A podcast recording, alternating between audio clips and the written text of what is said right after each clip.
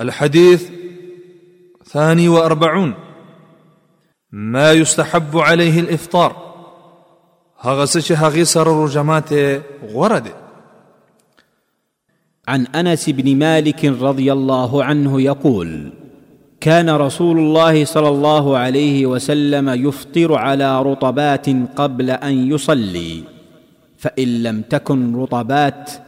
فعلى تمرات فان لم تكن حسى حسوات من ماء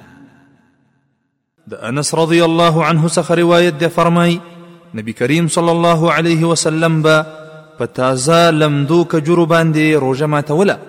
مخکې د دینه چې لمانځه ته اوزي او چې کله به تازه لوندي کجوري نه وي نو بیا به یې په عامو کجورو باندې روژه ماتوله او که کجوري به نه وي نو بیا به یې په اوبو سره روژه ماته کړه د دې حدیث د راوي پېژندنه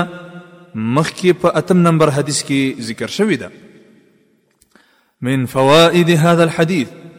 د دې حدیث د فواید څخه اول روزدار باید د ماقام د لمانځنه مخکې خپل روزه په کجورو سره ماته کړي او که کجوري نه وي نو باید په اوبو سره او که اوبه هم نه وي نو په هر هغه خوراک او څښاک سره باید روزه ماته کړي کوم چې حلال او جایز وي دوهم روژه د الله تعالی د رضا لپاره د عبادت په نیت باندې